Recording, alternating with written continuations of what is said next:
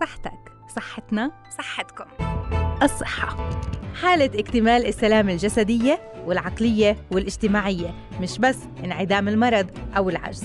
حافظ على صحتك لتعرف قيمتها قبل ما تفقدها وتحافظ على الوسادة الناعمة اللي رح تستند عليها أيام شيخوختك لتضل بصحتك تابعنا ببرنامج الصحة عال إعداد وتقديم سماح منصرة لتضلها صحتكم عال العال.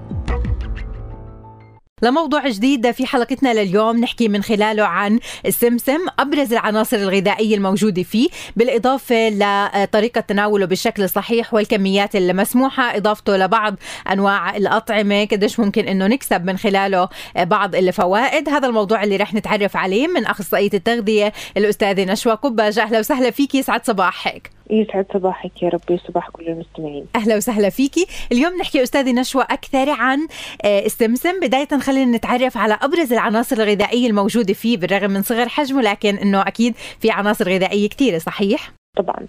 هلا دائما إحنا بنحكي عن القيمه الغذائية للسمسم لكل 100 جرام فإحنا بنحكي عن تقريبا 5 جرام كاملة منه هي عبارة عن مي.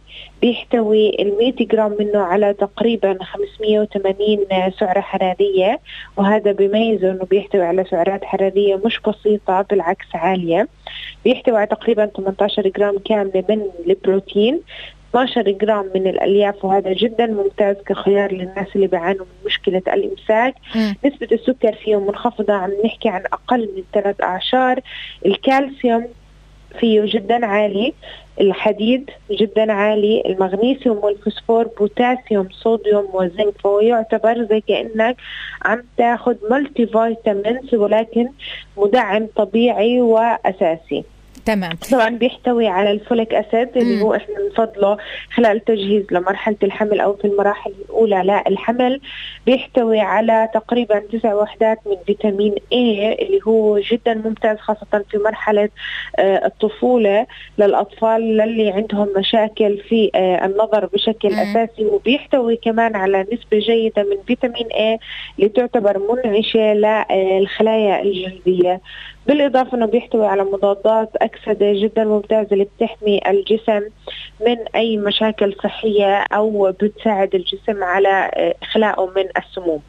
كفوائد عامة يعتبر طبعا السمسم معزز لصحة الشعر لأنه بيحتوي على فيتامين A بيساعد مرضى السكري على المحافظة على نسبة سكر ممتازة لأنه بيحتوي على نسب سكريات منخفضة آه بيعزز من صحة العظام لأنه بيحتوي على مغنيسيوم بطريقة وكالسيوم بطريقة ممتازة جدا بيعزز صحة القلب والجهاز الدموي داخل الجسم بزيد من صحة وجمال البشرة وبيحسن عمليات الهضم لأنه بيحتوي على ألياف ممتازة جدا.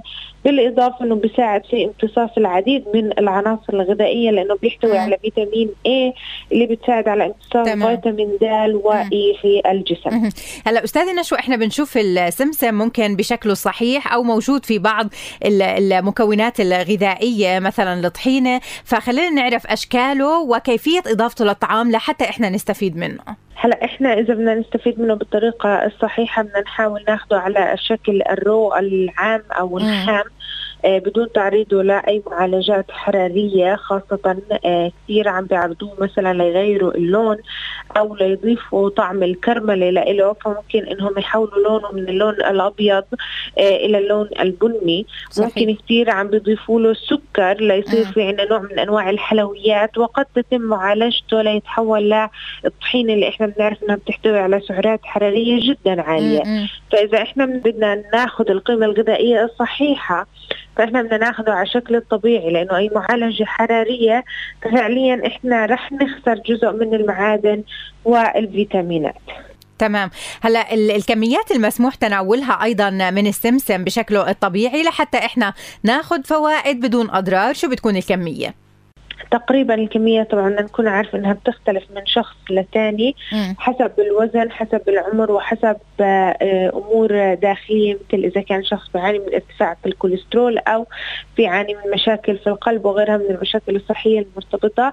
عادة لازم تكون النسبة ما تزيد عن تقريبا 22 جرام أي أقل من معلقة طعام يوميا.